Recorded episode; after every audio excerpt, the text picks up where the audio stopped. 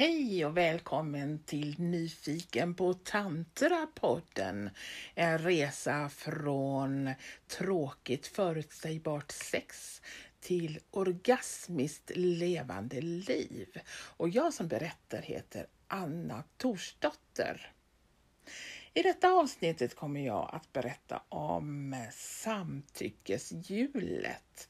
Inte att förväxlas med samtyckeslagen som är något helt annat. När jag första gången kom i kontakt med samtyckeshjulet, då var det sommaren 2016.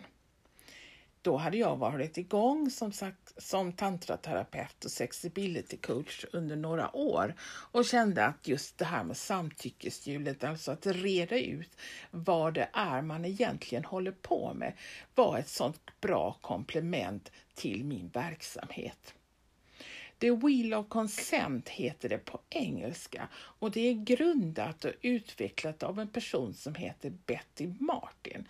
Sök gärna på hennes namn på Youtube. Där finns många intressanta och spännande filmer som hon har lagt upp. Det är i första hand en uppleverbaserat koncept och därför kommer jag att läsa till från Lorenzo Stjernkvists hemsida eftersom jag själv känner att jag inte kan tillräckligt mycket för att egentligen förklara vad det handlar om. Eftersom det är upplevelsebaserat så rekommenderar jag verkligen att gå en kurs när tillfälle ges. Men det kan ju också vara bra att få lite bakgrundsinfo. Alltså, samtyckeshjulet medvetandegör olika mönster i relationer och förklarar hur vi kan få dem att fungera bättre, alltså relationerna. Det är som en karta som kan hjälpa oss att navigera när vi relaterar med människor. Det ger oss praktiska verktyg så att vi lättare kan göra medvetna val, sätta tydliga gränser och bara ge det som vi är villiga att ge och be om det vi verkligen vill ha och se till att allt sker med samtycke. Själva samtyckeshjulet kan ritas på ett vanligt A4-papper och är på ett sätt väldigt enkelt. Men det är samtidigt ett otroligt kraftfullt redskap som kan förändra människors liv på djupet. Det är inte en teknik utan handlar om att få en djupare förståelse om sig själv och andra genom att göra enkla övningar. Ibland vill vi inte tänka på vem som gör vad och om vi till exempel kramar någon kan det ibland känna som ett flöde där båda ger och får samtidigt och allt känns helt underbart. Men i en annan situation, till exempel om någon berör dig, kan du kanske känna obehag och bli osäker på vad som händer och varför. Du kanske undrar om du blir berörd på det sätt som du vill eller om du blir berörd på det sättet som den andra vill. Du kanske också blir osäker på vad du egentligen vill och vad du har sagt ja till. I dessa situationer är samtyckeshjulet en fantastisk hjälp för att sortera tankar och känslor kring vad du verkligen vill och är villig till. Det kan ge dig ett språk, ett konkret hjälp för att kunna ha en tydlig kommunikation om vad som händer inom dig och mellan er. Man pratar om fyra olika typer av beröring. När du berör någon så kan det vara på ett sätt som den andra personen vill bli berörd på. Eller på ett sätt som du vill beröra på. Samtyckeshjulet belyser skillnaden på dessa olika sätt att beröra på och klargör att båda är betydelsefulla. Det viktiga är att lägga märke till skillnaden och att ha en tydlig kommunikation kring detta. Lika viktigt är det att klargöra när du blir berörd om beröringen är för för, de, för din eller för den andra personens skull. Dessa fyra sätt att beröra med samtycke och vad det kallas för inom samtyckeshjulet beskrivs, beskrivs så här. Serva. När du berör någon annan på det sätt som den personen vill bli berörd på. Ta för sig. När du berör någon annan på det sätt som du vill beröra på. Tillåta. När någon annan berör dig på ett sätt som den andra personen vill beröra på. Ta emot. När någon annan berör dig på det sätt som du vill berör, bli berörd på. Alla dessa fyra roller ger otroliga möjligheter till att känna mer njutning. Men de har också sina utmaningar och skuggsidor. Målet är inte att leva ett liv där vi delar in våra relationer och, och olika roller, eller i olika roller. Men när vi utforskar en roll i taget så kan vi lära oss förstå dem tydligare. När man utforskar dessa fyra olika roller så visar de tydligt att det finns två olika typer av gåvor som du kan få. Dels kan du få en gåva genom att någon annan gör något för dig. Till exempel genom att din partner ger dig beröring, till exempel massage. Men du kan också få en gåva genom att beröra någon annan. Du vill kanske beröra och utforska din partners sensuella hals. Den gåva som du då får är att din partner ger sitt samtycke till att du berör halsen. På samma sätt kan du ge två olika typer av gåvor. Dels kan du ge en gåva genom att du berör den andra personen, men du kan också ge en gåva genom att tillåta den andra personen att beröra dig. Samtyckeshjulet hjälper oss att klargöra vem som gör och vems det är för. Eller ett annat sätt att uttrycka det på, vem det är som ger en gåva och vem som får en gåva. I samtyckeshjulet betyder få att det är för dig och att det är på det sättet som du vill ha det. Och ge betyder att det är för den andra personen och vad den andra personen vill. Så i samtyckeshjulet definierar få och ge, inte vem som gör, utan vem det är för. Jag vill tydliggöra att samtyckeshjulet egentligen inte handlar om beröring, utan att lära sig att göra sanna, medvetna och helhjärtade val.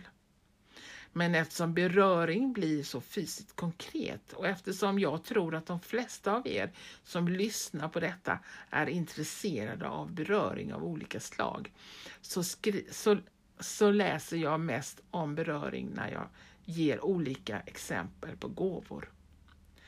Men en gåva kan ju självklart lika väl vara att sjunga en sång eller ge ett bröd som, att, som man har bakat. Pröva att byta ut beröring mot till exempel sång i beskrivningen av de olika rollerna.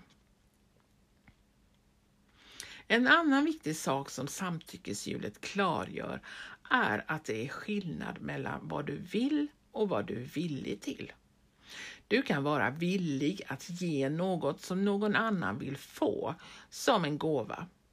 Till exempel köra en vän till flygplatsen och du kan vara superglad över att göra det. Men när vi pratar om vad, vi, vad du vill är det något annat. När du till exempel har födelsedag och önskar dig något i födelsedagspresent så önskar du dig något som du vill få, inte vad du är villig till. Det skulle ju vara lite konstigt om du som födelsedagspresent önskade dig att få köra din vän till flygplatsen. Ett annat klassiskt exempel är när två personer gör något, till exempel går på en promenad tillsammans. Inte för att de vill det, utan för att de tror att det är vad den andra vill. Så båda gör något för de är villiga till, men ingen av dem gör vad de verkligen vill. Förmodligen känner ingen av dem sig nöjda eftersom ingen av dem har fått en gåva. Och ingen av dem har heller gett en gåva eftersom att ge en gåva med samtycke betyder att du ger en gåva som någon vill ha. Så ingen av dem ger och ingen av dem får. Och så undrar de varför relationen inte fungerar. Kanske har paret i exempel, exemplet ovan inte pratat med varandra om vad de egentligen vill. De kanske inte ens vet vad de vill. Många av oss har under uppväxten aldrig uppmuntrats att ta oss tid att känna in i vår egen kropp. Känna våra känslor, att tona in på vår intuition, utforska och ta reda på vad vi vill och kommunicera det på ett tydligt sätt. Det finns mycket rädsla och osäkerhet när det gäller att uttrycka vad vi vill och inte vill. Särskilt kring intimitet och sexualitet. Då är det lätt hänt att man undviker frågor som till exempel Varför gör vi det här egentligen? För vems skull gör vi det? Är det här en gåva till mig? Är det i så fall en gåva som jag verkligen vill ha? Eller är det en gåva till min partner? Är det i så fall något som jag är villig att ge? Hur vet jag skillnaden på vad som är vad? Om någon frågar dig, vill du ha massage? Ge dig en gåva. Men personen menar egentligen, egentligen kan jag få utforska och känna på din kropp? Det vill säga få en gåva av dig. Då kommer det troligen skapa både missförstånd och besvikelser. Det kanske börjar som en massage, men sedan glider det över till att istället bli sexuella smekningar.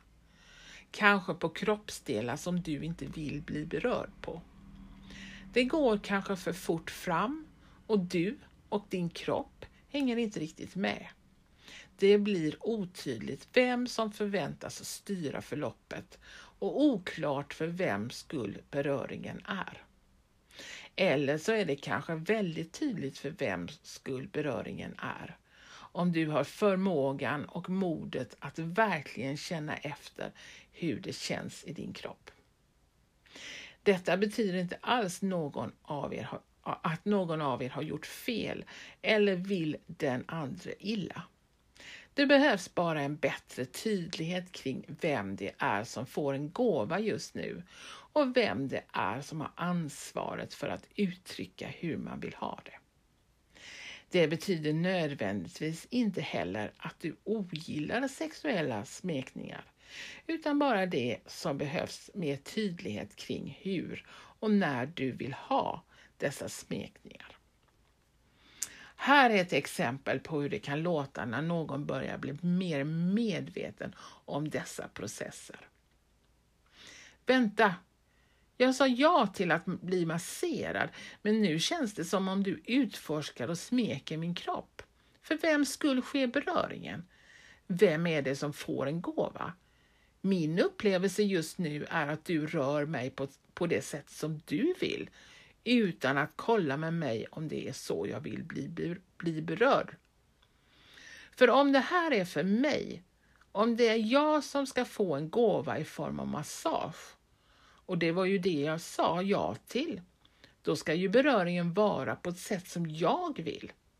Jag vill pausa nu, så att vi kan klargöra vad som händer för jag vill vara säker på att jag inte omedvetet tillåter något som inte känns bra för mig. Och ta den tid jag behöver för att komma på vad jag verkligen vill. Ju mer du praktiserar samtyckeshjulet, desto lättare kommer det att bli att kommunicera vad som händer inom dig. Tydligare, snabbare och med färre ord. Samtyckeshjulet handlar såklart om samtycke, vilket betyder att två personer eller fler uttryckligen säger ja till vad som sker mellan dem och man håller sig till det som man har fått samtycke till. Samtycke handlar om att man både ser till att den som ger en gåva verkligen är villig att ge det och att den som får en gåva faktiskt får en gåva som de verkligen vill ha. Om man vill göra något annat så behöver man först se till att man får ett samtycke även till det innan man går vidare. Det vill säga att den ena leder till det andra gäller inte utan man behöver ha ett samtycke till både det ena och det andra. Ta en person till exempel som vill smeka någon annans rumpa, det vill säga ta för sig. Så går det alldeles utmärkt om det finns ett samtycke till det, tillåta. Om det inte finns ett samtycke till det så är det inte okej okay och kallas då för sexuellt ofredande. Samma handling, men där det, in, där det i det ena fallet kan leda till ett vackert möte och i det andra fallet kan leda till böter. Samtycke är också något annat än ett avtal. Samtycke betyder att man tycker samma, sammartycker.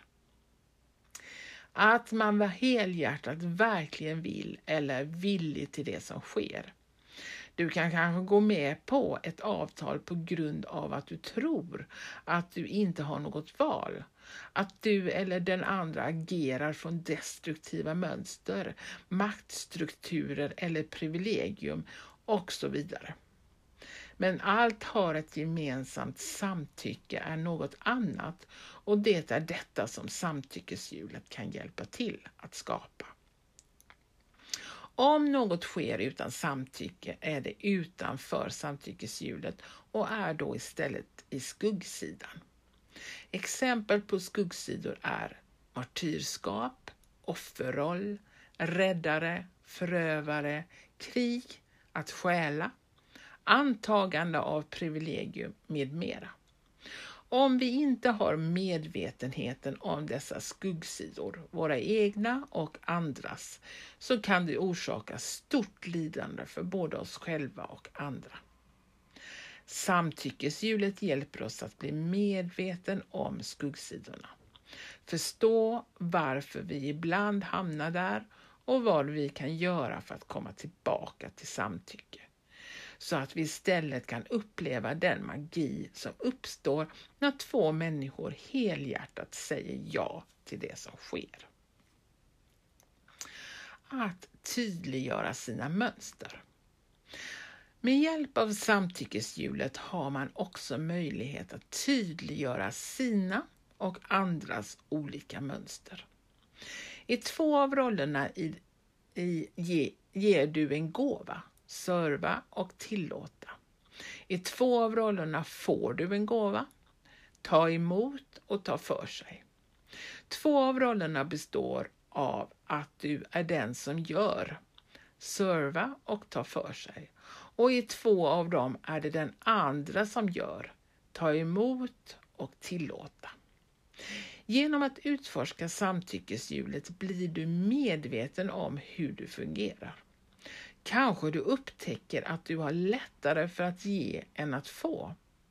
Eller inser att du tycker att det är svårare att vara den som gör. Kanske du kan se ett mönster av att aldrig be om det du vill ha eller att du inte ens vet vad du vill ha. Att du låter någon annan ge dig något som du egentligen inte vill få eller att du ger något som du egentligen inte är villig att ge.